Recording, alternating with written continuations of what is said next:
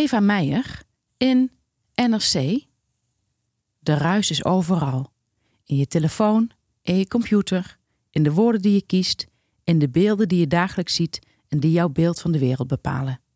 Vorige week nam ik de trein naar Rotterdam en iedereen in de coupé keek naar een scherm, terwijl het landschap ongezien bleef, net als de zonsondergang op de terugweg. Tijd is het kostbaarste dat we hebben en die raakt zo kwijt. Maar zelf ga je er ook niet op vooruit.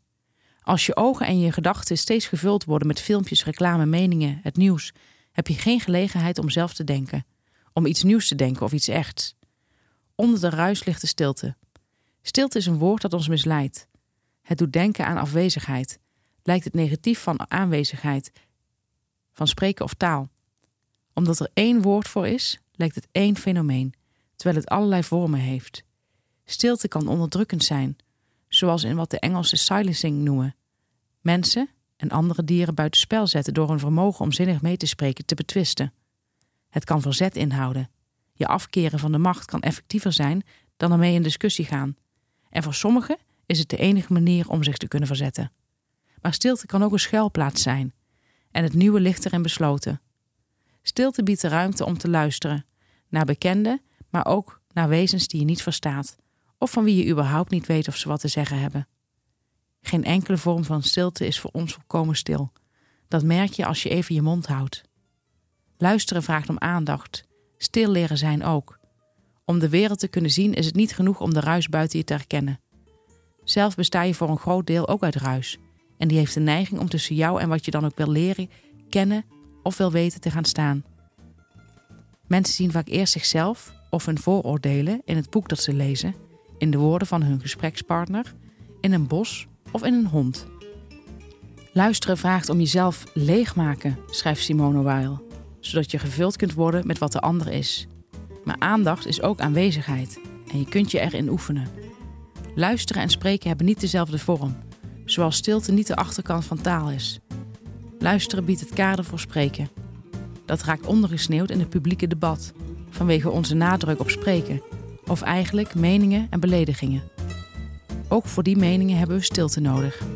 Er moet voor de openbare meningsuiting niet zozeer een klimaat van vrijheid zijn, maar van stilte en aandacht waarin dat zwakke en stuntelige gestamel zich kan laten horen, schrijft Weil. De dialoog met jezelf heeft overigens ook stilte nodig. Soms moet je op deze manier naar jezelf luisteren. Voor de zomermaanden wens ik u de stilte als aandacht toe. Reizen kan helpen om je leven anders te zien, maar bevat vaak ook veel ruis. Daar ben ik het wel mee eens. Je kunt ook goed naar een boom kijken of bij de bushalte wachten zonder iets anders te gaan doen. Wachten rekt de tijd uit. Misschien is dat onaangenaam omdat je eigenlijk verdrietig bent, maar het is wel het begin van begrijpen wat het er doet. Dit is alles. Deze dag, dit uur, deze minuut, dit woord. Als je dat niet serieus neemt, verdwijnt het voor altijd. Dus luister maar even. Inspirerend. Een goede podcast is als therapie. Je kunt er al je shit kwijt. Wij, Stephanie Hogenberg en Janneke van Doorst, bespreken de heetste shit van de week en onze eigen shit. Zodat we samen met jullie weer een kilo lichter zijn. Welkom, dit is aflevering 72. Woehoe. Wat leuk is, wij bestaan sinds afgelopen weekend twee jaar. Ja, gefeliciteerd Jan. Gefeliciteerd, Stef. Dank je. Het is een bijzondere reis geworden. Het is een hele stille reis geweest. Ja, waarin we goed hebben geluisterd. Geluisterd, we hebben de ruis echt proberen te weren. Dat was Mhm. niet altijd makkelijk, want er kwam veel ruis op ons pad. Heel veel ruis. In de vorm van, wat een leuke podcast. Een vriendin van mij vond het niks, maar ik wel. Mhm. Ehm hey, jullie zeiden een woord verkeerd. hey, wat heb jij een gek accent? Het was veel ruis. Ja, En wat ook hebben, veel we, ruis. wat hebben we het goed buiten de deur weten te houden? Ja. En ik heb ook het gevoel, en ik weet niet of jij dat ook hebt als je naar mij kijkt, dat jij er ontzettend van gegroeid bent. Je bedoelt in de brede zin van het woord? Nou, ik zou willen zeggen, het heeft je harder gemaakt, maar het heeft je gek genoeg ook zachter gemaakt. Begrijp jij wat ik bedoel? Nou, en dan zeg je wel iets, iets wezenlijks. Want volgens mij ben ik heel erg in mijn vrouwelijke energie gaan zitten. Ja, Ik denk dat je dat is, dat, dat, is wat, ik zie. ziet. Ja. dat is wat ik zie. En ik vind het heel mooi. En jij bent heel erg in je mannelijke kracht gaan staan. Ja. En Ja. dat is ehm, ja, vaak complementair, hè? Ja. En het is, was ook nodig, denk ik. Ja. Zoveel vrouwelijkheid. Daar mocht ook wel wat... eh, Stevig tegenover staan. Ja. Nou, ik heb het idee in ieder geval dat we steeds meer worden wie we zijn. En dat heeft deze podcast ons gebracht. Nou, dat vind ik heel mooi, want heel veel mensen gaan dan eh, echt op reis. Hè? Ze pakken het vliegtuig. Ze gaan bijvoorbeeld met Transavia naar Bali. Dan gaan ze een smoothie bowl eten. Mhm. En vaak hoor je dan ook dat ze daarna zichzelf Dat is een hebben smoothie gevonden. bowl. Pokeballs, toch? Ja, je hebt ook een smoothie bowl. Heb je ook? Twee grannies. en vaak hoor je dan dat ze zichzelf hebben gevonden. En ja, wij hebben die tijd niet om naar Bali te gaan. We hebben ook het geld niet. Dus het is heel mooi dat wij het op deze plek kunnen doen. Vanuit een studio. En eh, hier onze reis maken. En Ja. dat we zoveel mensen mogen mee laten genieten. Ik vind dat heel erg mooi. En ik zeg altijd, als je op zoek bent naar je innerlijke zelf, moet je niet acht uur gaan vliegen, moet je even naar binnen treden. Bali is vaak wel volgens mij 12 uur, toch? Ja, maar bijvoorbeeld. Oké, ja. Weet je, er zijn ook mensen die eh, ergens anders heen gaan. Oké. Ik, ik ken ze niet. Maar dat is een goed punt. Die reis kun je ook eh, in je innerlijke zelf afleggen. En dat is een, pas een avontuur. En Oh. dan ga je dingen tegenkomen. Je kunt het gewoon in je achterste vinden. En natuurlijk bij je onderkantje. Zullen we beginnen? Ja, god, wat was dit wel even fijn ook. Ja, ik voel het helemaal. Het resoneert bij mij. Ja, mooi. Heel mooi. Nou, voor heel veel mensen eh, resoneert het getal 72 ook. Ja, En ehm, daarom wil ik nu naar de huishoudelijke mededelingen gaan. leuk. Oké, we beginnen eventjes met een kleine huishoudelijke mededeling van mij. Misschien hebben jullie het al gezien. Sommigen zitten misschien niet op Instagram, maar ik heb even een kinderboekenpost gemaakt. Nou, dat geeft toch niet? ik vind het superleuk. Ik heb, ik heb niet eens kinderen. Althans, niet dat ik weet. Ja, nou, ik heb een kinderboekenpost gemaakt van eh, allerlei soorten kinderboeken in allerlei categorieën opgedeeld. Vind, houdt je kind van een informatief boek? Houdt het, is het nog van de leeftijd van een prentenboek of andere boeken? Dat kun je daar vinden. Ook wel leuk voor jezelf, want wij hebben eigenlijk heel veel luisteraars die die boeken ook voor zichzelf hebben gekocht. Sommige van onze tips. Eh, dat kan natuurlijk ook. Ehm, wij blijven nog een groot voorstander. Er worden in de zomer altijd heel veel kinderen geboren. Geef ze een kinderboek eh, en dan kun je daar even inspiratie op doen. Je kunt hem opslaan en dan kun je ook, als je nu even geen kind hebt dat geboren wordt in jouw omgeving, over een paar maanden misschien wel, kun je dan weer even terugkijken. Ja, want ik ken iemand in mijn omgeving die zei: Ik ga dit kopen voor eh, een vriendin van mij die is bevallen. En dat was een luiertaart. En toen zei ik: wat, wat is er mis met een kinderboek? En toen heb ik de Anaconda aangeraden. Ja, ik, ik hou spreekwoord over de Anaconda. Luiers kopen mensen over het algemeen zelf ook wel. Ja, net als kleertjes. Ja, dus die kun je, dat hoef je niet te doen. En zo'n hydrofiele doek kopen mensen ook. Ja, en die boeken, die kunnen ze dan nu zeggen, het is het, is het grootste tegenargument en ook niet het allerintelligentste tegenargument. Maar die boeken kunnen ze pas op hun zesde lezen. Ja, dat maakt dus niet zoveel uit. Want je hebt vaak een leuk boekenplantje op die kinderkamer. En dan zet je alvast die boeken leuk neer. Dus Ja. dat is sfeer, een sfeermaker. Ook, want, dat wil ik ook nog even zeggen. Nog even één ding terug en dan ga ik daar even op in, over de sfeermaker. Hou hem even vast. Ja, ik hou hem vast. Ehm, ik wil nog één ding namelijk zeggen over die boeken. Is dat eh, er zijn fantastisch veel leuke kinderboeken. Maar deze hebben in ieder geval een shitshowkeuring gehad. Dus let daar even op. Ja. Dus als je het niet weet, als je het zelf lastig vindt, dan heb je daar dus Ja, ja. hè, een soort eh, Ja. keurmerk Ja, eigenlijk. En over die sfeer, dat wil ik ook nog zeggen. Heel veel mensen vinden kinderboeken gek genoeg geen rommel. Ook mensen die boeken rommel Dat vinden. is gek, hè? Ja. Zie je ook de hypocrisie daarin? Ja, heel erg. En dan wil ik nog eventjes meteen, heb ik weer een stap naar mijn volgende huishoudelijke mededeling. Eh, laatst was er ook weer een eh, heel artikel over dat boekenkasten uit het interieur verdwijnen. Omdat mensen niet meer houden van boeken in hun kamer. Ze vinden het rommel, ze vinden het stof verzamelen. Ze zetten daar een leuk beeldje neer op één hele boekenkast, de plank, als ze een boekenkast hebben.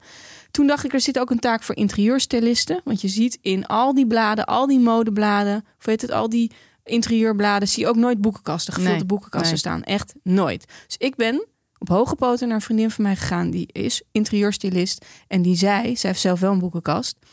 Ik stel altijd boekenkasten voor. Ja, slim. Maar heel vaak willen mensen het dus echt niet. Heb ik dus even een idee? Het is maar een idee. Dat zeg ik er eerlijk bij. Als mensen boekenkasten rommelig vinden voor het oog, mensen zeggen zelfs dat ze er onrustig van worden, wat ik in Frankrijk heel mooi vind, is dat alle boeken wit zijn. Of ook in het wit verkrijgbaar zijn. Dat zijn de goedkopere edities van boeken. Dat zou dus heel lekker zijn. Want dan heb je dus je hele boekenkast met alleen maar witte boeken. Toen heb ik gekeken bij mijn eigen boeken. Want ik dacht, misschien heb ik ook wel wat witte boeken. Heb ik vast een beetje uitgeprobeerd. En heel veel boeken in Nederland hebben wel een witte rug. Best nog wel wat. Oh. Als je dan gewoon eigenlijk afspreekt... op die voorkant kun je foto's plaatsen wat je wil. Een sepia-foto van een huilend meisje, prachtig. Als je die achterkant wit maakt, Ja. de rug, Ja. zoals ze dat noemen... heb je dus helemaal boekenkasten helemaal in het wit. Met allemaal witte boeken. Allemaal wel eh, natuurlijk titels erop. En de auteur. En eh, als dat dan niet werkt, dan weet ik het ook niet meer. Nou ja, ik heb daar heel erg rekening mee gehouden bij mijn boek. De uitgeverij wilde gewoon een, een, een kek kleurtje. Ik zei nee, wacht eens eventjes. Ik wil echt een heel mooi wit ruggetje. Ja, En dat is het nu ook geworden. En op dat witte ruggetje staat dan, we hebben het over je gehad. ja. Maar dat is eigenlijk gewoon het enige. ja en stel je voor dat je alleen maar dat soort witte ruggetjes in je kast hebt. Ja, super mooi. En je bent dus iemand die als excuus heeft dat ze het te rommelig vinden van kleur en Ja. alles. Dan is dat dus het excuus niet meer. Nee, Dus uitgeverijen, luister goed. Ja. Wil je dat er meer boeken verkocht worden? super tip. Ja. Super tip. Nou, jij had nog een fun fact. Ja, ik had een fun fact. Want ik had eh, een, een serietip opgevolgd van eh, Janneke van der Horst uit de Shit Show. Oh, daar had je het laatst ook over. Ja, heel, eh, heel leuke vrouw vind ik dat. Ehm, ook een, heel, ja, een hele slimme vrouw vind ik het. En knap, toch? En ze ziet er heel goed uit, zeker voor de leeftijd. Ehm, maar zij had eh, aangeraden om Mildred Pierce te kijken op HBO. Ja. Ben ik gaan doen. Oh, Fantastische serie. Ik heb echt ongelooflijk genoten van die serie. Eh, zes afleveringen, geloof ik, zeven. Eh, fantastisch. Ik hou heel erg van Kate Winslet. Ik was even vergeten hoe erg ik van haar hou. ja. Het leuke is, Guy Pearce speelt ook in die serie. Dat is de man van Carice van Houten. In die serie, en daar moeten mensen goed opletten. In die serie heet hij, ze heet zijn personage Manti. Oh ja? En hoe heet zijn zoon met Carice? Wat denk je? Bruno?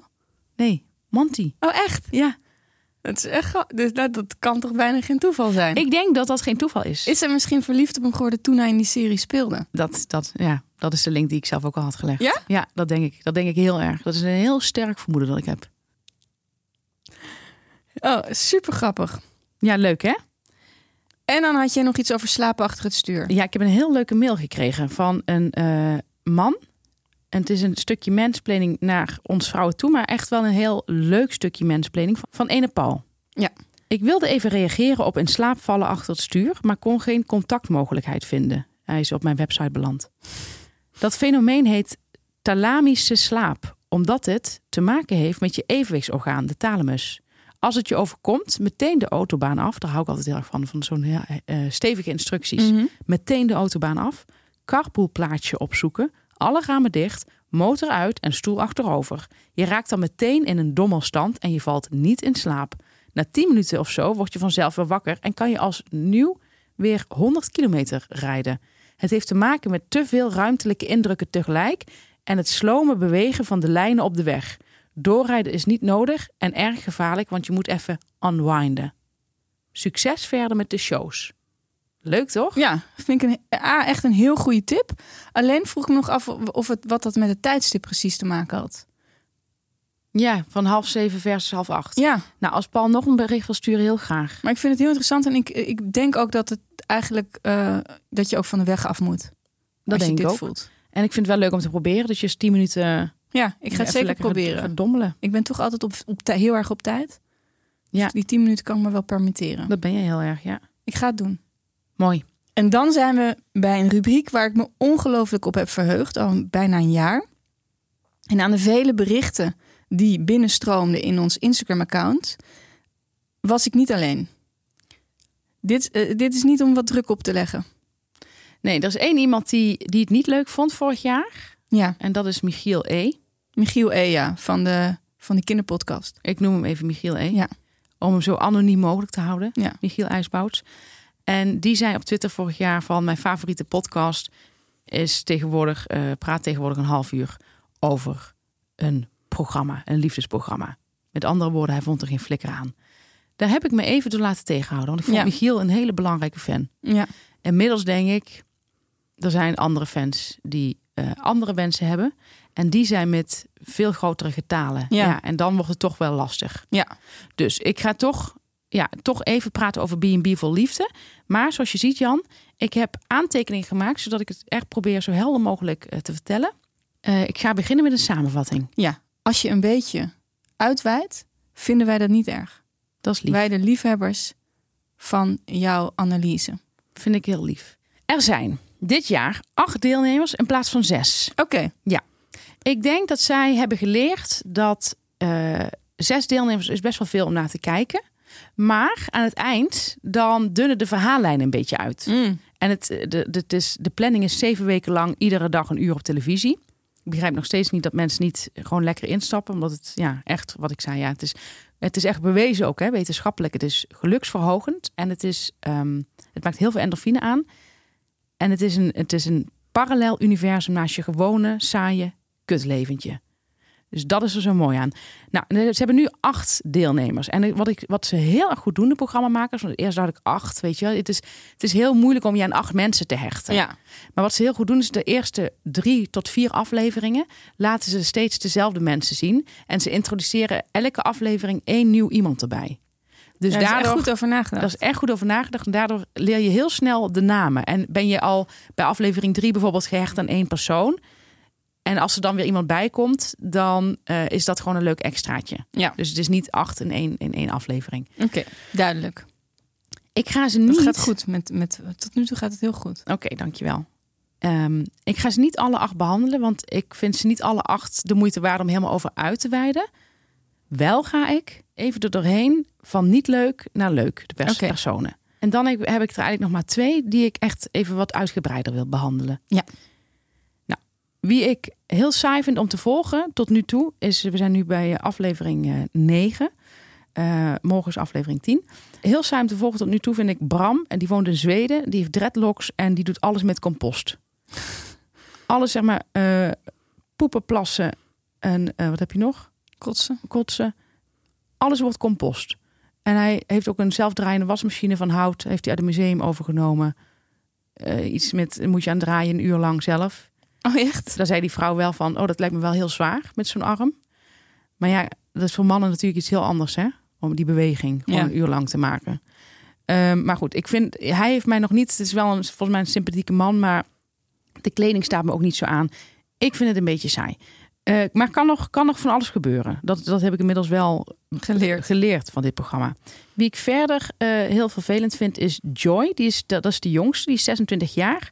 Die woont op Mount Joy in Portugal. En is een enorm pisventje. Eh, Is heeft wel, een, is een jongen. ja, het is een jongen. Oh, Ja, het is een genderneutrale naam. blijkbaar. Ik vind Joy een pisventje omdat ehm, Joy totaal niet geïnteresseerd is in twee eh, vrouwen die bij hem over de vloer komen. Vrouwen van 23 en ook 26. Geen enkele wedervraag. Al ben je niet geïnteresseerd omdat je denkt van ja, het is mijn type niet. Is het nog steeds aardig als iemand voor jou naar Portugal komt om een vraag terug te stellen. Deze jongen irriteert me mateloos. Hij is heel knap. Eh, hij vindt dat zelf ook wel. Hij heeft een wasbordje. En hij, eh, het is vooral, Joy is vooral bezig met hoe hij eh, plezier uit het leven haalt. En Mhm. niet echt met anderen bezig. Eh wil een community, is een community aan bouwen. Een, een commune, maar wel bezig met de cashflow. En kan, eh, gebruikt heel veel Engelse woorden door zijn Nederlands heen. Dus hij zegt, Ja, dat, Van- is- dat krijg je in Portugal natuurlijk. dat krijg je in Portugal. En hij zegt dan dingen als, vind je het wel leuk om hier de boel te exploren? dus best wel een beetje maf. Dan hebben we iemand die ik ook niet zo leuk vind om te volgen. Is, alhoewel niet, ja, veel ergernis. Eh Marianne is een vrouw ehm, in een roze villa in Portugal ook.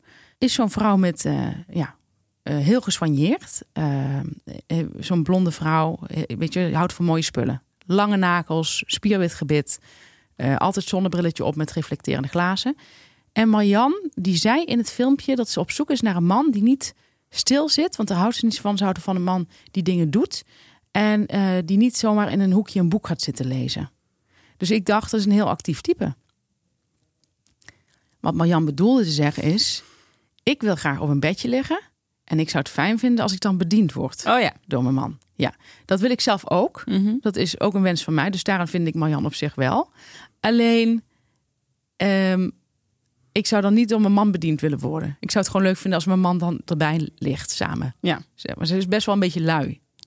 Ze heeft een makelaarskantoor, dus volgens mij is ze wel, ze komt wel over als iemand met geld. Maar ik vind dat niet zo, eh, niet zo leuk, want ze, ze praat eigenlijk ook alleen maar over haar dode man. Eh, ja, die dan kanker is gestorven. Eh, dat heeft ze al aan Olof verteld, een hele sympathieke man die bij haar op bezoek is. En ook aan Jan, Zelda Riedel. Ook in de camera vertelt ze nog vaker. Het is gewoon een hele, ja, saaie vrouw. Je, hebt er eigenlijk, je kunt er geen echt gesprek mee voeren. En die Jan die bij haar is, die irriteert mij mateloos. Olaf, super sympathieke man. Jan, ontzettend vervelende man. Ook zo'n man die eigenlijk net als Marjan op een bedje wil liggen en Olaf alles wil laten doen. En Olaf doet ook alles. Die doet het ontbijt inmiddels ochtends. Die weet zelf waar de borden staan. Die bedient de gasten. Die, ze, die hangt een vogelhuisje op. Dan vraagt hij wel nog, Jan, kom je even helpen? Jan die doet dan net alsof hij iets anders moet doen. Een hele kinderachtige man. En Jans excuus is, ik heb voor mijn kinderen van 9 en 12 zoveel jaar lang gezorgd. Blijkbaar is die moeder overleden of iets. Hij zegt, en nu is het tijd voor mij. Dus hij vindt eigenlijk dat iedereen ook dingen voor hem moet doen. Ja. En Jan maakt ongeveer, ik heb het geteld, 31 complimenten per uur aan Marian. En je merkt dat het Marian niks meer doet. Dus hij zegt, Marian, ik heb veel vrouwen in mijn leven gezien, maar zo één als jij, hij is er een dag, heb ik nog nooit meegemaakt. Echt, dat je denkt dat dit soort complimenten werken zo saai. Ja. Nou, dus daar wil ik eigenlijk verder niet over uitweiden. Dan heb ik twee vrouwen die ik echt geweldig vind. Echt geweldig. Debbie zit in Spanje. Heeft een hele gezellige, knusse villa. Heeft zelf een bloem in haar haar. Daardoor dacht ik even dat het een soort een mevrouw cactus was. Maar zij is de normaalste van iedereen. Een hele, ja, hele vrolijke, rustige vrouw. En ja, gewoon iemand van wie je echt, echt vrolijk wordt. En er zit een hele, is een hele leuke man op bezoek. Maar dan heeft ze wel een beetje twijfels of die, of die genoeg voor haar in, in zijn mars heeft. Eh, ze zei, ik voel niet echt een vonk. Ik vind wel een hele leuke man. Maar ook dan gaat hij een, gaat hij een oud hobbelpaard in haar tuin maken. Met, eh moet hij allemaal draden. Is hij echt drie dagen druk mee met draden. Dan moet ze naar de gamma en zo. De Spaanse gamma. En dan kijkt ze vanaf het balkon toe dat hij dat gaat doen, dat hobbelpaard maken. En dan zit ze zo te genieten. Dat vindt ze zo leuk dat hij dat maakt. Nou, zo'n vrouw. Nou, daar wil ieder, ik denk, als, als het nu niet lukt, zij gaat echt honderden aanmeldingen krijgen. Heeft ze maar één man op bezoek?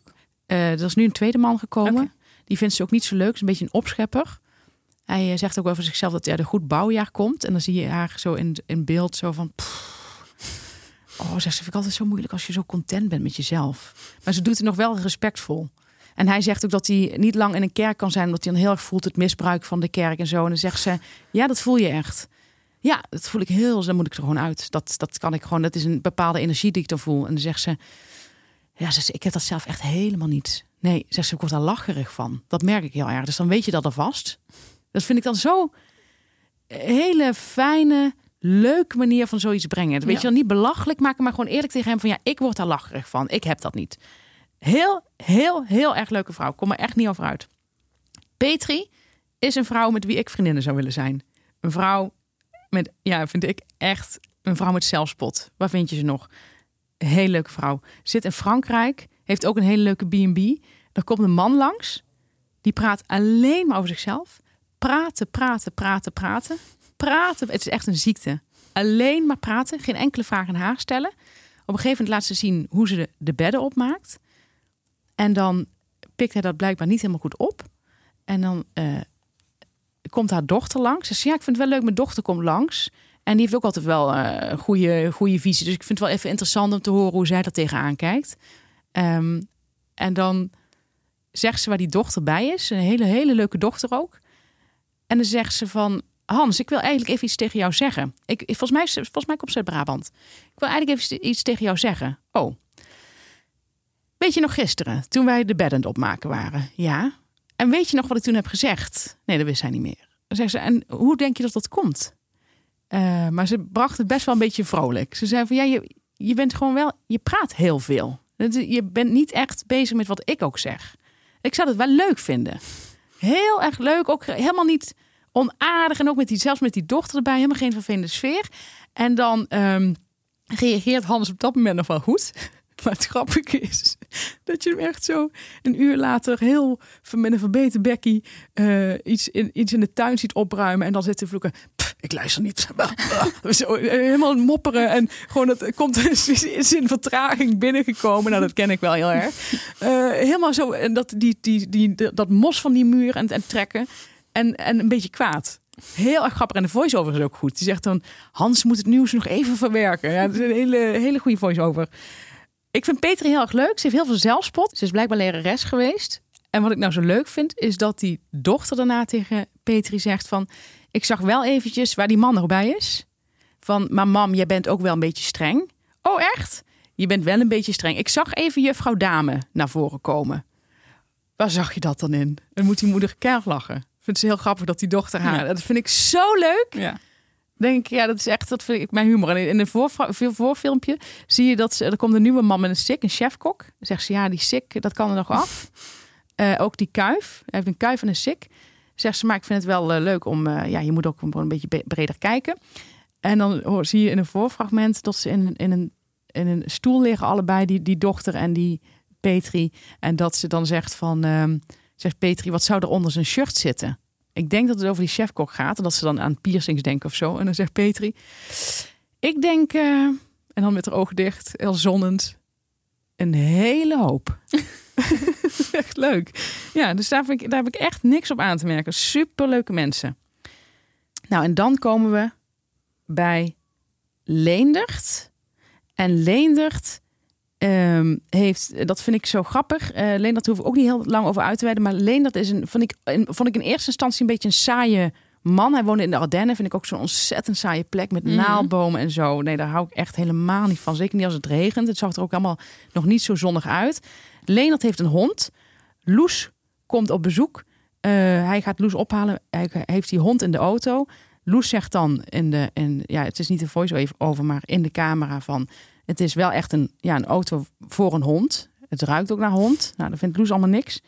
En uh, Loes vertelde op een gegeven moment aan hem, uh, dus de eerste dag, dat haar vader is overleden tijdens corona.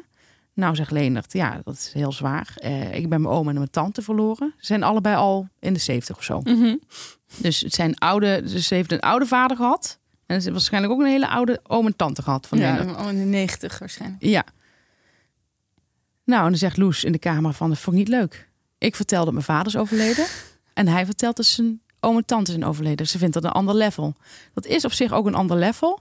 Maar ik vind de eerste dag mag je iemand een klein beetje vergeven dat hij daarop inhaakt met een ander verhaal. Ja. Loes niet. Meteen gaat ze feedback aan Leendert geven.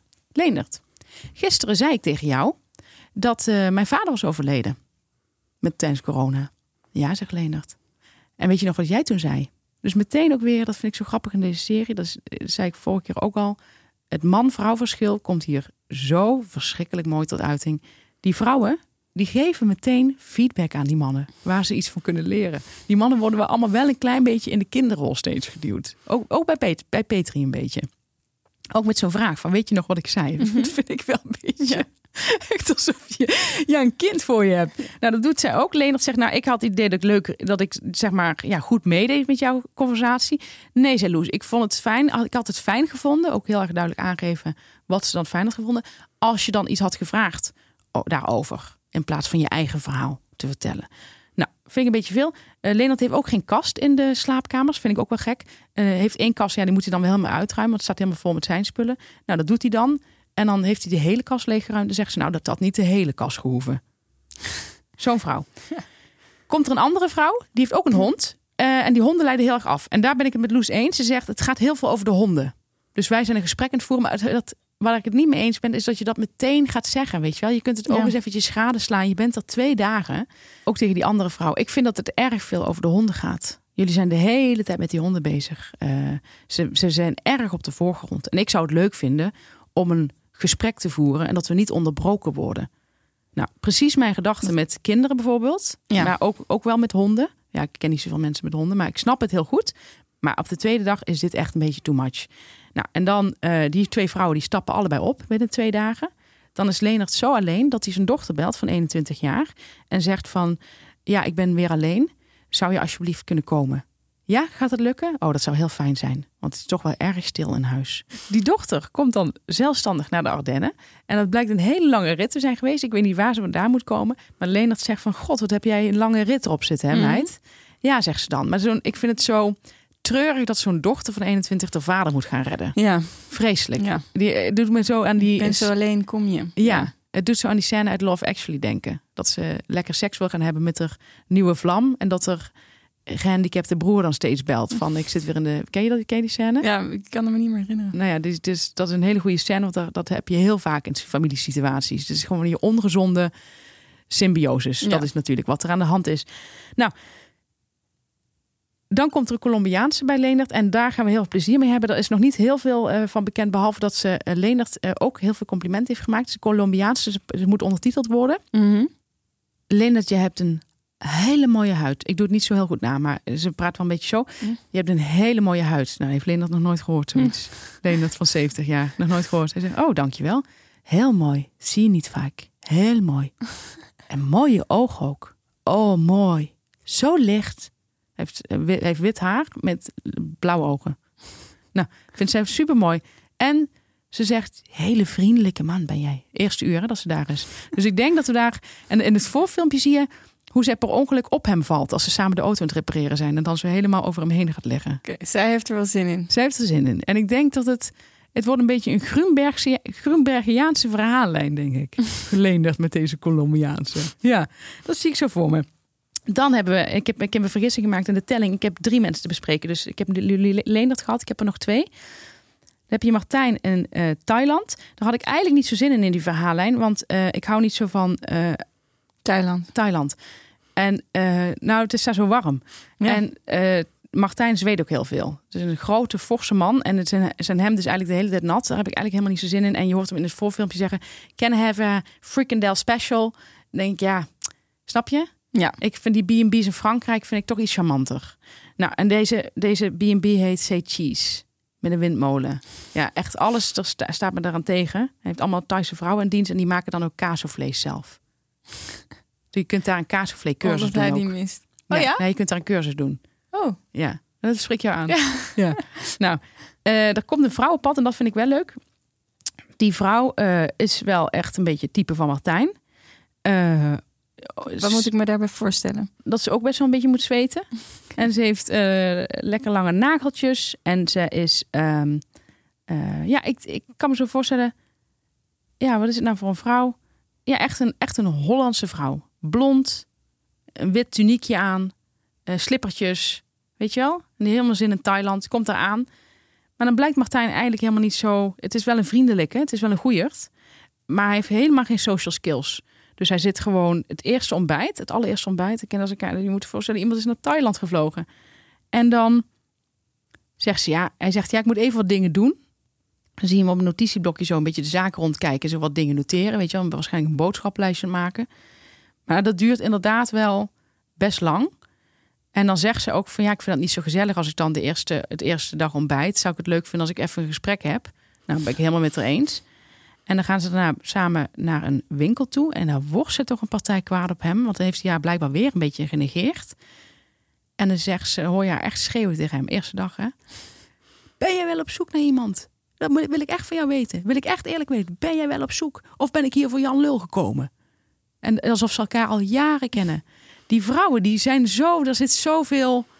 Ja, wat is het? Er zit zoveel kwaadheid in. Ik vind het zoiets moois om te zien. Ja, ik vind prachtig. het echt... Ja, ik vind Het echt eigenlijk allemaal geweldig. vrouwen die ehm, alleen zijn, Ja. relaties hebben gehad, Ja. heel goed weten wat ze wel en niet willen, en ook voor, met zichzelf hebben afgesproken. Gaat ik me ga niet gebeuren. verminderen. Ja. En dan krijg je dus meteen, ja, dit was dan ook een soort feedback, maar dan met een schreeuwende, dit was schreeuwende feedback. En toen zou ik huilen. En toen zei Martijn van, eh, ja, sorry, ik heb wel mooie vrouwen binnen één dag laten huilen. Dat heb ik niet vaak gehad. Nou, dan moet ze een beetje lachen, dan geeft ze hem zo'n por in zijn buik en dan geeft hij zo'n por terug en dan zitten ze weer, is het weer gezellig. Maar dit wordt niks. Nee. Want eh, hij vindt dat ze te veel praat. En dat is ook wel een beetje zo. Zo'n vrouw die absoluut niet stil kan zijn. Die de hele tijd de gedachten verwoordt. Mhm. Verschrikkelijk. En het zijn niet dingen die je echt wil weten. Dus dat wordt niks, maar dat is wel, dus dat vind ik inmiddels toch een klein beetje interessant, want die Martijn heeft gewoon helemaal niet, uh, die is helemaal niet zo gastvrij. Ja, ik vind het helemaal niet aardig om niks te zeggen. Gewoon Ja. helemaal geen gesprek te voeren, is heel gek. En die vrouw, dat vind ik heel lief, die vrouw is ook aan het genieten van Thailand. Ze liep over, over zo'n markt. En wilde alles proberen. Vind ik ook zo lief. Ja. En dan ging ze op een gegeven moment iets met inktvis en iets met deegbolletjes proberen. En helemaal, oh, ik vind dit leuk. Zei ze, oh, heb jij dit alles gehad? Nee, nee. Is toch leuk? Ik ken dit helemaal niet. Eh, eh, Zo'n genieten. Ja. Dat ontroert mij. Dat vind ik heel lief. Ja, dus dat is leuk. En ehm, nou, tot slot hebben we Walter. Daar is er natuurlijk al heel veel over gezegd. Dat heb jij zelfs al gezien terwijl je niet keek. Walter is degene met de eh retraite. Je kunt daar een stiltecursus voor Mhm. 1500 euro doen voor een week. All inclusive, hè? Dus het is, je krijgt er ook eten bij. Wat heet lijnzaad. Ehm, en ja, ik hou, ik hou zelf niet zo van dat hele spirituele. Maar dit is, ja, ik vind het toch wel echt heel leuk om te zien. Want er gebeurt echt een hele hoop. Elke scène heeft wel 16 dingen waar je op kunt letten. En eh, dat komt vooral door eh, nou ja, de, dynamiek tussen deze mensen, tussen Anne, Claudia en Walter. Dat is helemaal het einde. Anne en Claudia, twee vrouwen. Anne met dreadlocks. Heel veel dreadlocks op de hoofd. Ze heeft een heel mooi gezicht. Maar dat haar vind ik wel jammer. Ja. Ehm, Anne en Claudia komen tegelijkertijd aan in de auto. We gaan nooit meer weg. En we gaan naar Walter, hebben zo'n eigen melodietje gemaakt. We gaan naar Walter en we gaan nooit meer terug. En dan zo, maar dan met rijm. Heel vrolijk. Ze kennen elkaar al, blijkt. Want Anne is calibratietechnicus. En heeft Claudia al eh, heeft Claudia leren kennen via een retraite. En dus ze kennen elkaar al. En het zijn dus twee vriendinnen. Die allebei, op de, wisten ze niet van elkaar, allebei op dezelfde man hebben geschreven. Waarom eh, komen er soms eh, vrouwen met z'n tweeën en soms alleen? En dat is een beetje het, het raadsel van B&B vol liefde. Ja, iedereen wordt ook elke keer weer helemaal overhoop gegooid van... Dat is naar de markt en in Frankrijk naar een marktje... en dan komt er net op dat moment een nieuwe man aan... en dan moet het hele plan worden herzien. Ja, Dat vond Debbie zelfs heel moeilijk, terwijl me dat zo'n relaxte vrouw leek. Maar die zei van, oh, ik moet even... Maar dat deed ze ook weer heel leuk. Maar moest ze even, zei ze, ook, ik moet even helemaal schakelen. Zei ze ook hardop. Moet eventjes... Ik, ik kom zo terug, moet ik eventjes de planning weer eh, erbij pakken. Ehm, Anne met de dreadlocks, die is heel druk. Claudia is eh, wat rustiger. Nou, Walter zegt daarover van... Bij Claudia merk meteen dat oogcontact... eh merk meteen dat het wat dieper gaat. Bij Anne, die, is nog, die, die heeft nog een beetje een muur. Nou, als kijker merk je die muur niet. Anne gaat er vol in. Eh, ze gaan ehm, al vrij snel met z'n drieën een, een trillingssessie doen. En dan eh, ja, komen er heel veel emoties vrij. Het is, het is veel hupsen eigenlijk met wat je is een lichaam trillingssessie? hè? in een tent met Walter, eh, zeg maar, je hele lichaam laten shaken. Oké, echt trillen. Echt Alsof je op zo'n trilplaat staat, maar Ja. dan zonder trilplaat. exactement. Precies. En dan moeten ze allebei huilen naar die trillingen. Zowel Anne als Claudia. Allebei huilen. Anne gaat daarvoor eventjes in een hoekje zitten. En de tranen... Wat doet dat dan met je? Ja, huilen. Ehm, maar vijf minuten trillen? Nee, ik denk dat het eh, toch wel een half uur is. Wat ze in de show heel mooi tot, tot twee minuten hebben gebracht. Maar wat ik echt heel goed vind aan de montage, en wat hebben zij daar een plezier gehad, is dat ze dus, ze laten die trillingen zien, zo van die mensen die daar zo aan het hopsen zijn. Mhm. En dan zo buiten is de hele tijd een witte pauw. Ik, ik, ik, nee, ik weet niet of het een pauw is, maar hij kan wel zijn veren zoals een pauw uitzetten. Maar hij is helemaal wit. Misschien is het wel een kakatoe. Ja, Of een albino pauw. ik ben geen ornitholoog. Dus dan moet je me even niet, eh, dat moet je me even niet kwalijk nemen. Geen zin in, ja, wel zin in correcties op zich. Maar ehm, die witte pauw, die maakt geluid. Wauw! En dat Klinkt als een pauw. ja, en die laten ze dan door die trillingen heen zien. Dus je ziet drie mensen zo in die trilling en dan buiten zo'n pauw. Wauw! En dan weer naar die, naar die tent toe. Ja, dat is zo goed ge- gemonteerd. Echt fantastisch. Anne is dus ook aan het huilen, Claudia ook. Maar Anne gaat dan even zitten en dan komt Walter daar naartoe. Die komt eventjes zo op, de, op zijn hurken naast haar zitten. En dan zegt Anne tegen, tegen Walter van, eh, dit is mooi. Dank je wel. En dan kijken ze elkaar in de ogen. Anne pakt daarna dan ook echt door. En die zegt dan tegen Walter. En ja, ik kan haar accent niet nadoen. Maar het is vrij eh, een, beetje een, een beetje een boerse manier van praten. eh, hees ook. En dan zegt ze, ik zou super graag van jou les krijgen in tantrische dansen. Dat zou ik super gaaf vinden. Zou je me dat willen geven? Ja, dat is goed, zegt Walter. Dus dan gaan zij met z'n tweeën tantrisch dansen. Nou, dat is dan de volgende dag. Dus er, eigenlijk is ze elke Is dag dat wel... iets erotisch? Ja, nou, dat moet niet, niet, volgens mij niet, niks erotisch voorstellen. Het is volgens mij een soort heel lang voorspel. Maar dat eh, is erotisch, toch? ja, ik zou zeggen van wel. Het ziet er ook vrij erotisch uit.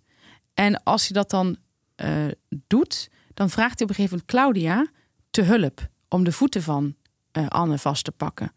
En dan zegt Claudia in de camera: Ja, dat vond ik super. Dat, hij, dat vond ik zo'n eer dat hij mij vroeg om te komen helpen. Dus echt, ja, ik- het is een beetje alsof je, ja, alsof secteleider. jouw woorden, jouw woorden. Claudia is heel verdrietig. Die krijgt van die trillingen dus al eerst, die, die, dat had Anne ook, huilen. Maar Claudia is eigenlijk ook de hele tijd, die heeft ook een overleden man. En eh, ik vind wel dat Walter wel leuke vragen stelt. Ze, gaan iets te, ze zijn iets te plechtig. Wat is jullie grootste angst? Aan, aan- in de sauna vraagt hij dat. Mhm. Een sauna. Wat zou je mooi willen? Wat zou je willen in het leven? Dat soort vragen. Claudia, die heeft het over de overleden man en die is heel eh, verdrietig. Die zie je echt meerdere dagen achter elkaar in er eentje ergens huilen. En dan echt huilen. Ze zegt, ja, ik, gisteren dacht ik, oh, ik ga naar huis. En toen zei iemand, eh heb ik een vriendin gebeld. Zei, kom op Klauw, je bent niet voor niks daar, eh, daarheen gegaan. En eh, volgens mij zit ze in Frankrijk, ik weet het even niet meer. Ja, ik geloof in Frankrijk. Je bent niks, niet voor niks daarheen gegaan en je laat je niet wegsturen. Maar die Anne, die pakt die hele ruimte. En ze, ze vraagt ook aan Walter van, vind je mij veel? Zeg eens heel eerlijk, vind je mij veel? Want dat hoort ze vaker in het leven, dat mensen haar veel vinden. En dan zegt Walter, nou wat ik bij jou zie is dat je een, eh, je hebt een hele mannelijke energie. Zou je het willen leren om eens stil te zijn ook? Ja, dat zou ik wel heel mooi vinden. Denk je dat het kan? Oh. Ja, Eh, dat kunnen we oefenen als je dat zou willen. Dat, je, dat we beginnen met een half uur even niet praten. Ja. Dus eh, dat vindt Walter ook wel lekker, want hij vindt, hij vindt het wel een beetje veel. Spannende man ben jij, Walter. Dan kijkt ze hem zo indringend aan. En dat vind ik allemaal... Ja, en daarom gebeurt er zoveel. Eh, er- die teksten zijn gewoon heel erg goed. Die Anne, die, die raast eroverheen. Dat is eh, werkelijk gewoon... Ja, hij noemt het een mannelijke energie. Ik noem het een vrij agressieve, seksuele energie. Anne is, en dat is een beetje gek, dat maakt het, maakt het, maakt het verhaallijn niet helemaal duidelijk. Maar wat, hoe ik het interpreteer is dat Anne eigenlijk Claudia toch een beetje naar de zijlijn duwt. Waar Claudia steeds verder eh, in dat huilen gaat. Mhm. En Anne steeds verder eh, dingen aan Walter voorstelt als... Je had het gisteren over oesters eten. Ik zou het eigenlijk wel heel erg leuk vinden als je mij laat zien... Waar, dat, waar je dat kunt krijgen op de Franse markt. En misschien is het wel leuk als we dan samen oesters gaan eten. Zou je dat willen? En dan neemt ze niet eh, Claudia mee. Nee, maar op een gegeven moment zegt ze tegen Claudia van... eh, ja, Walter en ik gaan vandaag... eh, ik, ik, ik, ik, ik heb een hele er een ruïne hier, eh, hier ergens in de buurt. En ik wil heel graag met Walter daarheen. Maar toen dacht ik, ik zou het eigenlijk wel heel leuk vinden als jij meegaat. Claudia, tranen. Want dat vindt ze heel erg mooi. Dat Anne haar meevraagt. Dat vind ik zo lief. Dus dat is iets... Ja, ik denk de spiritualiteit die ik niet... Dat level, op dat level zit ik niet. Want ik begrijp het niet helemaal wat er precies nou gaande is. Eh, dan is Claudia jarig. En dan eh, hebben eh, zowel Anne als Walter echt een mooi cadeau. Ze beginnen met een, met een mooie. eh, met een, volgens mij krijgen ze, ze cadeaus of zo. Dan krijgt ze ook weer een. Wat krijgt ze aangeboden? Een. Ja, volgens mij ook iets met Tantra. Zoiets. Nou, dat moet Claudia weer huilen. Want vindt ze super mooi dat ze daar zo. Dat ze zo met haar verjaardag begaan zijn. En dan willen ze haar mee uitnemen. Dan willen ze haar mee uitnemen. En dan zegt Walter voor jouw verjaardag. En ik heb het idee dat die Claudia, dat hij toch eh, Anne wel leuk vindt, maar iets te veel. En Claudia niet helemaal zijn type is. Maar dan zegt hij tegen Claudia: Zou ik jou mogen meenemen vandaag naar eh, om iets samen te doen in de natuur? Nou, dat vindt Claudia super. Dat vindt ze echt super. Ze voelt zich ook weer een stuk beter. Ze heeft eh, gisteren nog de hele dag zitten huilen toen Anne en, en Walter weg waren. Maar nu voelt ze zich toch wel, ja, heb ik het idee, iets meer in haar kracht. En dan gaan ze dus samen de natuur in. dan zitten ze tegenover elkaar in kleermakers zit. Ja, ik stel me dit voor hoe het dan is met cameramensen erbij. En dan kijken ze elkaar diep aan. En eh, elke knuffel moet acht seconden zijn in de spirituele wereld. Oh acht, ja? acht seconden, ja, dat wist ik niet. Dus dat zijn echt hele lange knuffels die je telkens in beeld ziet. Dat acht seconden is vrij lang voor een eh, Voor commercieel programma. En dan zitten ze tegenover elkaar, een kleermaker zit. Dan kijken ze elkaar in de ogen en dan zegt Claudia... Ze zijn heel zwoel, heel, heel, ja, ze zijn helemaal in zichzelf gekeerd. En dan zegt Claudia tegen hem... Ik zou je wel heel graag een kus op je mond willen geven. Zou je dat willen? En dan zegt Walter... Nee. Nee. Dan schudt zijn hoofd. En dan zegt hij... Ik wil je wel een knuffel geven.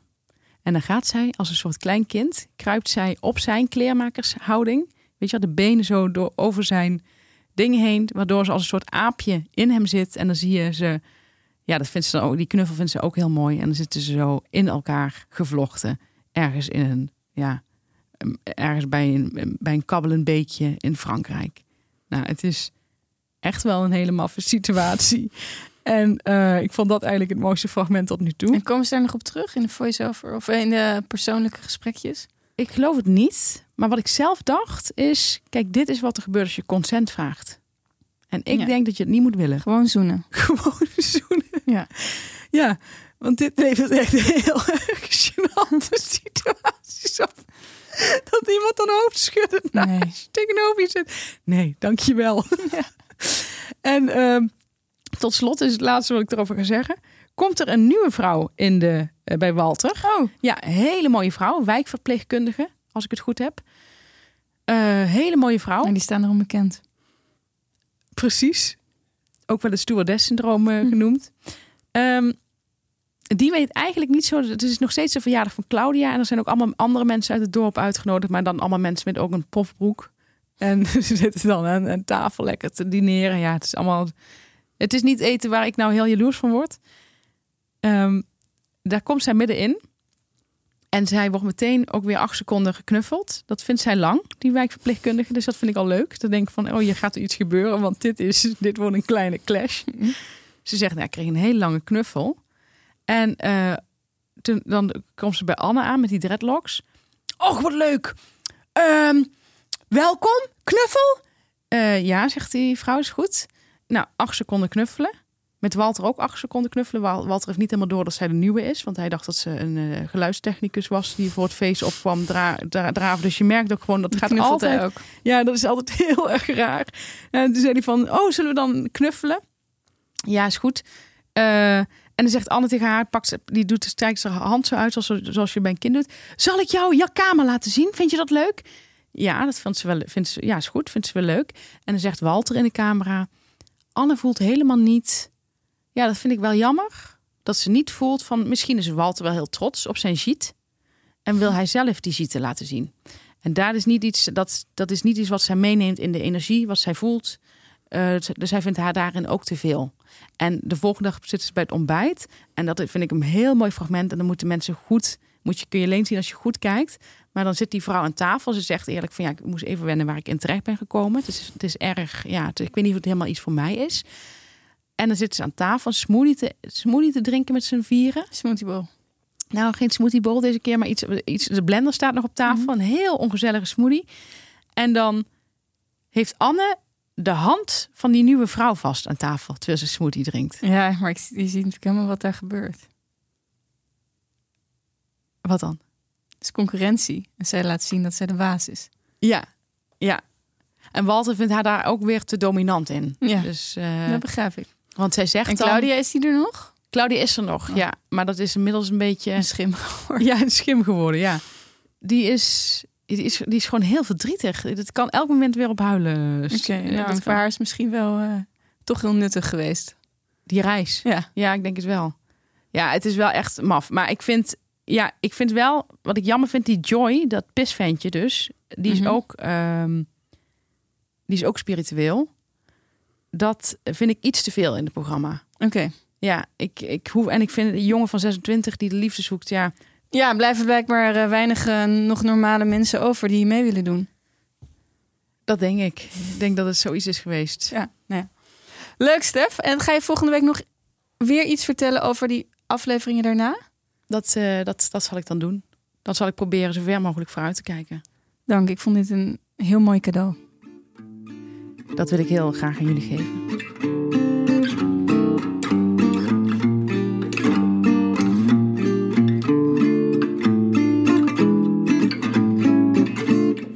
Oké, dan gaan we even sneller door de rest van de aflevering heen. 12 is niet normaal. Stef, Ik heb, ik heb 30 minuten Stef, gepraat. jij had shit. Ja, Zou je nog iets willen vertellen? Want wat heb jij meegemaakt? Tennisbaan. ja. Ehm, nou, fijn dat ik even het, eh, het woord krijg. Mensen vinden dit een hele leuke grap, hè? Als Ja. we dit maken, deze grap. Ja. Dus we houden hem erin. Ja. Nou, Jan, dankjewel dat ik ook even het woord krijg. Ja. Het Nou. is onze zelfspot. Ja, het is heel leuk. Maar anderen gaan er ook zelfspot over maken. Ja. Maar dan niet echt zelfspot, maar spot. Maar dat kan helemaal niet. Nee. Nee, want daarvoor heet het zelfspot. Nou, dat leggen we nog wel een keertje uit. We geven ook cursussen. Moeten we trouwens echt een keer doen. Ja. Ook, ook een B&B in Frankrijk. Cursus zelfspot. Ja. Dan lekker trillen en vibreren. Nou, wat was er nu aan de hand? Ik had een tenniswedstrijd, een dubbel. En ik stond in de finale. Dus ik had het al best wel ver geschopt, kun je dan zeggen. Hè?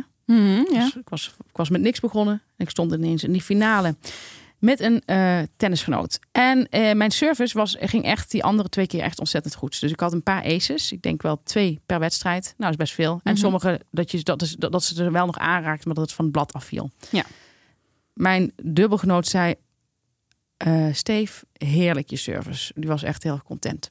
Toen moesten we in de finale tegen twee vrouwen. En daarvan was eentje heel erg aardig. Gewoon, dus we maakten, even kennis vooraf. Moesten even wachten op de baan. Eentje was heel erg aardig. De andere niet echt. Toen zei mijn dubbelgenoot tegen mij, mijn dubbelpartner... Die andere vind ik nu al een bitch. Ik zei, want ik dacht al, ik weet, wij, wij zijn allebei op mentaal hetzelfde. Dat gaat in onze kopjes Mhm. doorwerken. Dit moeten wij niet toelaten. Dus ik zei, ja, ik zeg dat is spanning bij haar. Daar was ik eigenlijk helemaal niet zo zeker van. Wij stonden op een gegeven moment 4-1 voor. Ik dacht lekker, deze wijven gaan wij inmaken. Even mondje dicht. Ik sloeg de ene ace naar de andere. Ik overdrijf nu een klein beetje, maar het ging echt goed. 4-1. Daar ontstaat dan een denkfout. Je denkt, dit gaan we even snel. Ja. We gaan ze even snel in de pan Zesde hakken. game, hè? Dus dat werd 4-4 en uiteindelijk 6-4 voor hen. Dus dat was al pijnlijk. Maar wat nou het hele punt was, wat mijn shit is. eh, nou, dit was ook al shit. Want ik wist al, dit krijgen we bijna niet meer gekeerd. Want ik was me zo aan het ergeren aan die Mhm. tegenstander. Zij, had, zij hadden allemaal mensen op die tribune. En die tribune was dus bij ons bankje. Ja. Dus als wij water dronken, mijn dubbelpartner en ik, hoorden wij die tribune van alles zeggen. En ik hoorde ze dingen zeggen als, ja, alleen haar service is goed. Het kan zijn dat het over iemand anders ging. Maar ik dacht dat het over mij ging. Dus daar raakte ik er al door afgeleid. Ehm, maar eh, er zaten vier mensen op de tribune. Allemaal knap. Allemaal eh, luidruchtig. En al vrij snel hoorde ik koorballentaal. Hm. Dus er zaten gewoon vier koorballen. En je kunt het herkennen, zo'n afschuwelijk geluid. Ik kan het echt, ik kan het werkelijk niet meer verdragen. Al helemaal niet door die vrouwen uit mijn boek. eh, in het titelverhaal. Ze We praten hebben het over je gehad. we hebben het over je gehad. Het gaat precies hetzelfde. Ze praten allemaal hetzelfde. Ze vinden dat het is een cultuurtje. Ze vinden dat iets. Ze moeten dat iets heel cools vinden, want ze apen dat allemaal van elkaar na. Ze praten allemaal zo. Echt onwijs leuk. Ja. Snap je dan wat ik bedoel? Ja.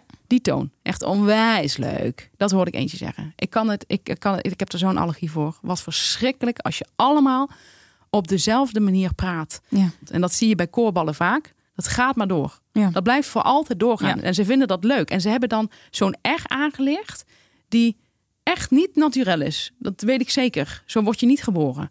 Dus heel irritant. Dus ik was me aan het ergeren. Nou, we hebben die wedstrijd echt dik verloren. Oh, daar ben ik echt zo zuur van geweest. Dit was mijn shit. Goeie shit. En daarna was die, eh, ik dacht eerst nog echt van, nou, ze zal, ze zal nog wel aardig zijn, weet je wel, met, als we iets gaan drinken. Dat zie je dan vaak. Dan zijn ze, hebben ze gewonnen en dan gaan ze je, terwijl je service zo goed was, weet je, dat soort Ja. dingen krijg je dan nog wel eens. Maar dat zat er ook niet meer in bij haar. Gewoon een heel onaardig iemand. Ja. Vreselijk. Vreselijk, ja. Ja. Er lopen er veel rond, gek genoeg, op de tennisbaan. Ja. Mijn zus moest een dubbelfinale spelen, wat ook slo- zenuwslopend was. Want ze stonden volgens mij 4-1 voor. En toen werd het nog een, eh, in de tweede set. Ze hadden de eerste set gewonnen en toen werd het nog een tiebreak. Zo'n super tiebreak, Ja, dat? met uh, 1 tot, eh, tot en met 10. Nee, ze was iets van, van 14-12 geworden. Ja, dat kan. Maar dan is het omdat je niet, eh, als je bij de 10 bent en je hebt dan niet twee punten verschil, dan kan het dus doorlopen. Ja, dus dan zeg je toch eigenlijk niet tot en met de 10? Ja, super tiebreak is tot en met 10. Oh, oh, dat wist ik niet. Ja, Dus je moet sowieso de 10 halen. ja dus Oh, tiebreak, wist ik niet. tiebreak tot en met 7 Oh, en super tiebreak tot en met 10. niet. Oké, Ja. sorry. Ja, ik heb al heel lang niet getennist, dus het zijn allemaal nieuwe regels. Maar toen vond ik het heel grappig. En dan merk je dat mensen ook zich ergeren. Dat die tegenstanders ergerden zich aan hun eigen bankje. Oh, Even stiller. Is heel luid. Weet je wel? oh, ja. Dat is nog wel fijn. Ja, maar, maar ik moest er wel om lachen. Dat je dan weet je dat iemand echt geïrriteerd is. Ja, ja. Want zo luid waren ze helemaal niet. Ja, kun je niks meer verdragen. Nee, kun je echt niks meer verdragen inderdaad. Heel grappig is dat. Ja. Ja, tennis is, en dat hebben wij volgens mij ook al vaker gezegd. Hè? En ik denk waarschijnlijk ook eh, een paar goede filosofen. Tennis is net het echte leven. Heel goed, heel Ja. goed. Je begint vrolijk en het wordt langzaamaan, het stopt het hele, het hele kaartenhuis vrij snel in. Ja. Wat is jouw shit? Ja, ik Vertel heb- jij ook eens wat. ja, ik wil ook iets vertellen. Ik wil nog even één ding zeggen over cadeaus. We hebben het al heel veel gehad over cadeaus. Ja, Over tikkies hebben we het gehad. ja, Eh, en ik heb nog één ding wat me van het hart moet. Wat ik echt shit vind. ja. Dat, ik ben benieuwd wat jij ervan vindt. Het is niet om jou weer het eh, podium te geven. Want eh, jij moet ook even uitrusten natuurlijk. Maar ik ben toch wel heel benieuwd. Is dat je ah, meedoet aan een cadeau... wat je sowieso niet gaat halen met elkaar. Oh ja, ja, ik ken jouw ergernis hierover. Dus ik had een keer bij iemand...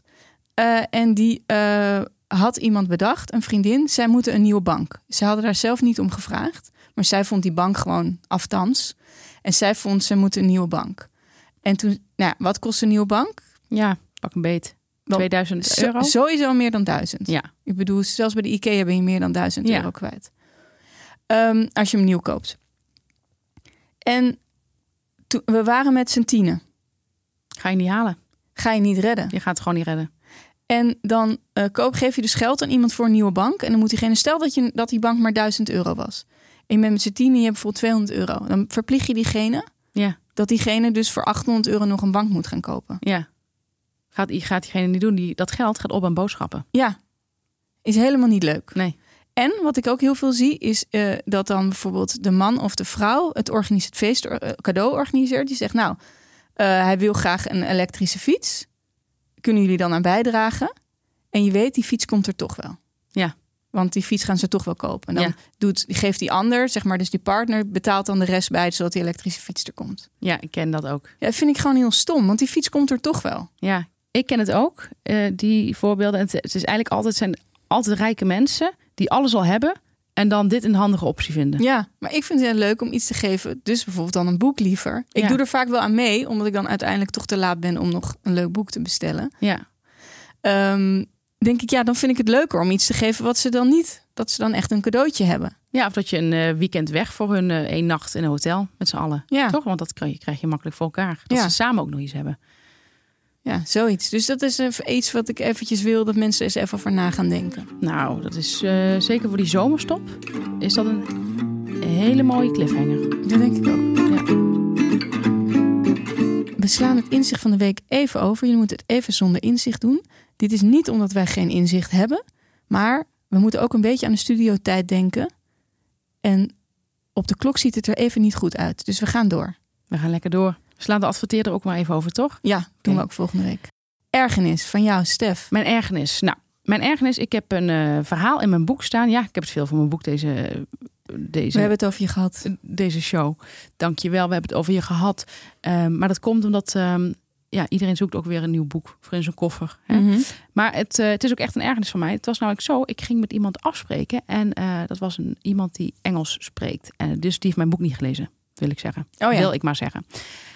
En ik zei tegen haar, en ik weet niet meer waarom, ze, ze, vroeg zich af of het leuk was om in er eentje naar Sicilië te gaan. Ik zei, dat is fantastisch. Dat is echt mijn advies nummer één. Als je alleen wil reizen, is Sicilië de plek. Geweldig. Word je helemaal opgevangen. Ik zei, ik heb ook een verhaal in mijn boek. En, ehm, maar zij kende dat verhaal dus niet. Obviously. En eh, ik zei tegen haar, ik zeg, ik weet nog op een gegeven moment, ik zeg, iedereen is zo behulpzaam. Op een gegeven moment stond ik in een woonwijk, had ik best wel paniek. Eh, dat ik in mijn eentje in zo'n woonwijk stond, was best wel een verlaten woonwijk. Wel eh, met lange opritten en zo, dus niks, niet iets heel grimmigs. Maar toch een beetje een, beetje een rare, raar gevoel. Ik had nog maar 1% batterij. Ik zeg, en toen kwam er iemand de oprit afrijden. Een, een, een, een man in zijn auto. En toen zei ik van, weet, weet jij hoe laat de bus gaat? Zei hij, nee, dat weet ik niet. Maar eh, toen zei hij van, ik wil je wel brengen. Was 20 minuten om voor hem. Waarop die, Heel aardig, ja. ja, heel erg aardig. Waarop die kennis van mij zegt: van, oh, dat zal ik echt nooit doen, zoiets. Ik ga echt niet bij een vreemde man in de auto stappen. Dit irriteert mij zo verschrikkelijk. Dat heb ik ook al in mijn boek gezet. Waar, eh, dat, dat is dus daarom zeg ik dit, dit van. Het staat ook in mijn boek deze irritatie. Maar daar staat hij gewoon wat, wat milder opgeschreven. Mhm. Het is zo idioot, zo dom, zo achterlijk om zoiets te zeggen. Eén, je doet net alsof ik niet kan onderscheiden eh, of ik een beetje een normaal iemand voor me heb. Twee, die man komt zelf de oprit afgereden en ik vraag hem.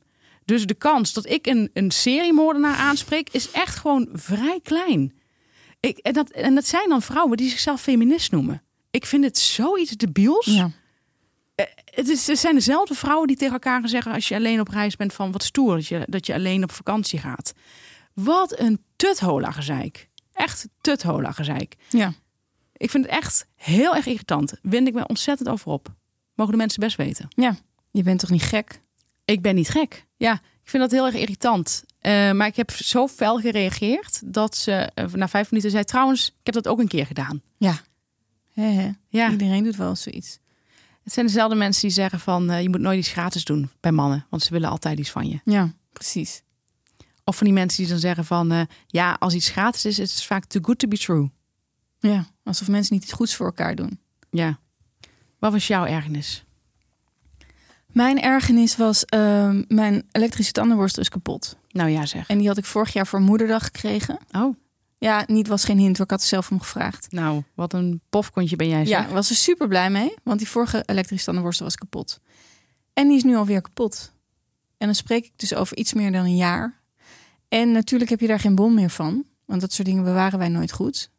Er zijn van die mensen die ook altijd precies de doos van hun spullen Ik ken verza- ze. bewaren. Ik ken ze, Jan. Ik ken ze. Ik begrijp dat echt niet. Het zijn van diezelfde mensen die een gebruiksaanwijzing eerst heel goed doorlezen of dat ze een apparaat aanzetten. Ja. En die verkopen dan bijvoorbeeld iets. eh zeg bijvoorbeeld een eh, stofzuiger. En dan is hij al gebruikt. Een drie jaar gebruikt, bij wijze van spreken. En dan verkopen ze hem in de doos.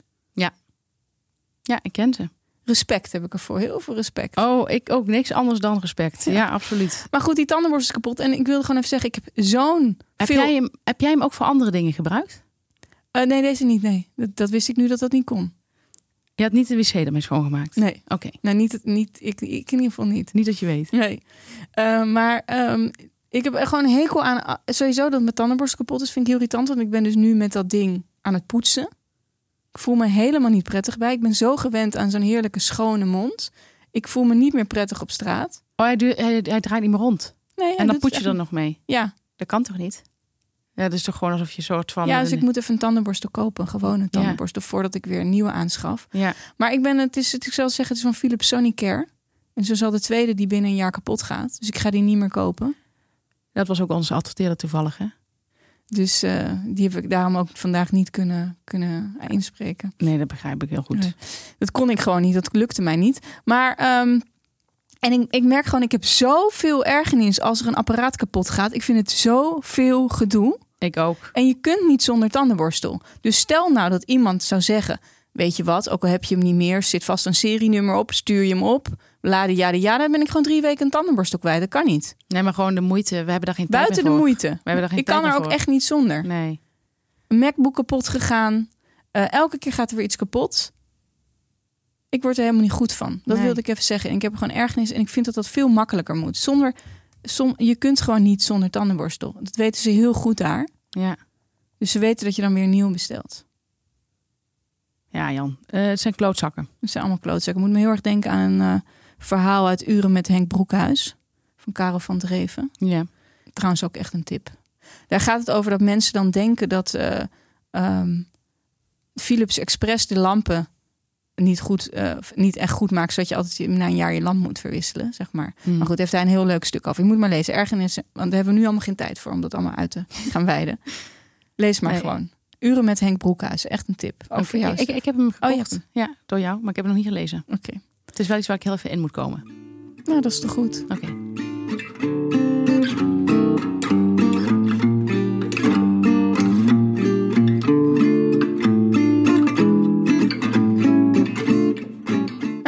zijn we alweer de warme boodschap. Warme boodschap, die hou ik eens kort. Eh, Ik heb een warme boodschap. Dat is een, een serie die staat al een hele tijd op HBO. Ehm, maar dat is een fantastische serie. En hij heet Sharp Objects. Ja, ik heb Het op jouw aanraden ook gekeken. En Het ik sluit me hierbij aan. Het is een thriller, hè? Ja. Het is een thriller. Ik wil het even checken. En eh, heel eng.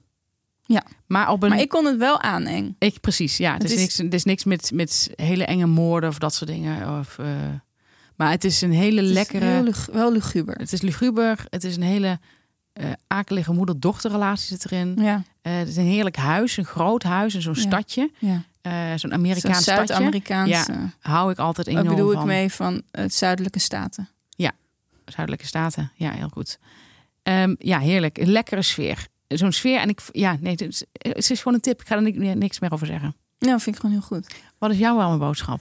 Nou, mensen vragen mij heel vaak van... Janneke, hoe doe je dat nou eigenlijk, hè?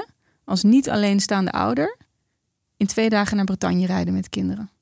Ja, vragen mensen je vaak. Daar hebben ze heel veel respect voor.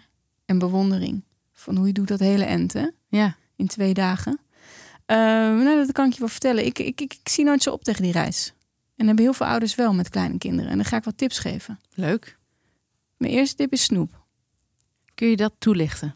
Ik geef elke keer als we de grenzen oversteken een snoepje. En eh, als we eenmaal in Frankrijk zijn, dan heb ik, andere, heb ik bijvoorbeeld andere punten waarop ze op een snoepje krijgen. En hoeveel grenzen passeer je tot naar Frankrijk? Nou, je gaat dus van Frankrijk, of je gaat vanuit Nederland ga je naar België. Ja. En van België naar Frankrijk. Er zijn er maar drie snoepjes. Dat zijn twee snoepjes, hè? Twee snoepjes. Ja. Maar er komt er natuurlijk nog elke keer wel bij als we in Frankrijk zijn. Want we zijn nog in de ochtend. Maar snoep werkt altijd. Zorg dat je genoeg snoep in de auto hebt. En sowieso genoeg te eten. Mijn e- kinderen eten vreselijk veel. Bakken aardbeien, boterhammen. Neem het allemaal mee. Het is, een, het is voortdurend eten, willen ze. En smeer jij, smeer jij dan boterhammen voordat je weggaat? ja, heel veel. En wat smeer je erop dan? Ehm, ja, heel wisselend wat iedereen wil. Voor mezelf maak ik altijd broodjes met mozzarella. En pesto en tomaten en zo. Dus al duurt het wel even voor we weg kunnen. S ochtends. Ja. Ehm, en voor de kinderen maak ik ja, wat ze op dat moment hun lievelingsbeleg is. Pindakaas. Schudde buikjes. Ja, het liefst niet iets wat heel erg veel kan knoeien, zeg maar. Dus dan kan je beter bijvoorbeeld chocopasta doen. Oh ja, Als je echt iets van eh, zoiets wil. Is wel echt allemaal gezonde producten. Ja, allemaal gezond en, eh, en, en gewoon verantwoord. Ja. Brood met... Daar word je er niet dik van? Nee. Er zit heel weinig in. Nou, ehm, smart games. Dit is ook een tip voor jou. Jij bent ook wel eens bang dat je hersenen... Hè, dat het... eh je hebt de, het is te Ik kra- ken ze, ja. Ik Ja. ken smart games. Ja. Ja? Ja. Nou, smart games heb je voor kinderen. En het is eigenlijk voor kinderen, maar het is voor, voor mij geval ook nog steeds heel ingewikkeld. En je hebt bij smart games heb je ook magnetische spellen. Dus die kunnen ze achter in de auto doen. Ja. En ehm, voor mijn zoontje had ik er één eh, met, ehm, eh, met wat dieren. En voor mijn zoontje heb ik er een met dieren. En dan moet hij ze de hekjes verplaatsen. En wat je eigenlijk kan doen, je krijgt eigenlijk een spel voor je neus. En dat spel kun je eh, op verschillende manieren spelen, want je krijgt steeds een uitdaging. Dus, maar het wordt steeds moeilijker. Kijk, en dan zijn ze echt even, even bezig. Ja. Zijn ze uren zoet mee. Ja.